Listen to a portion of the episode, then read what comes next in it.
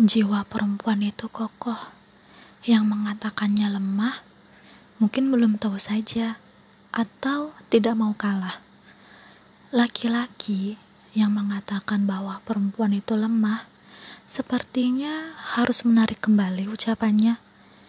Nyatanya, dalam kondisi yang menyakitkan, perempuan selalu mampu bertahan.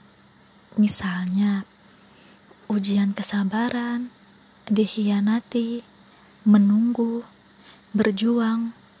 Perempuan selalu mampu melakukan itu. Perempuan itu kuat, sangat kuat, bagaikan seteguh batang yang kukuh, tak tercabut oleh terpaan angin.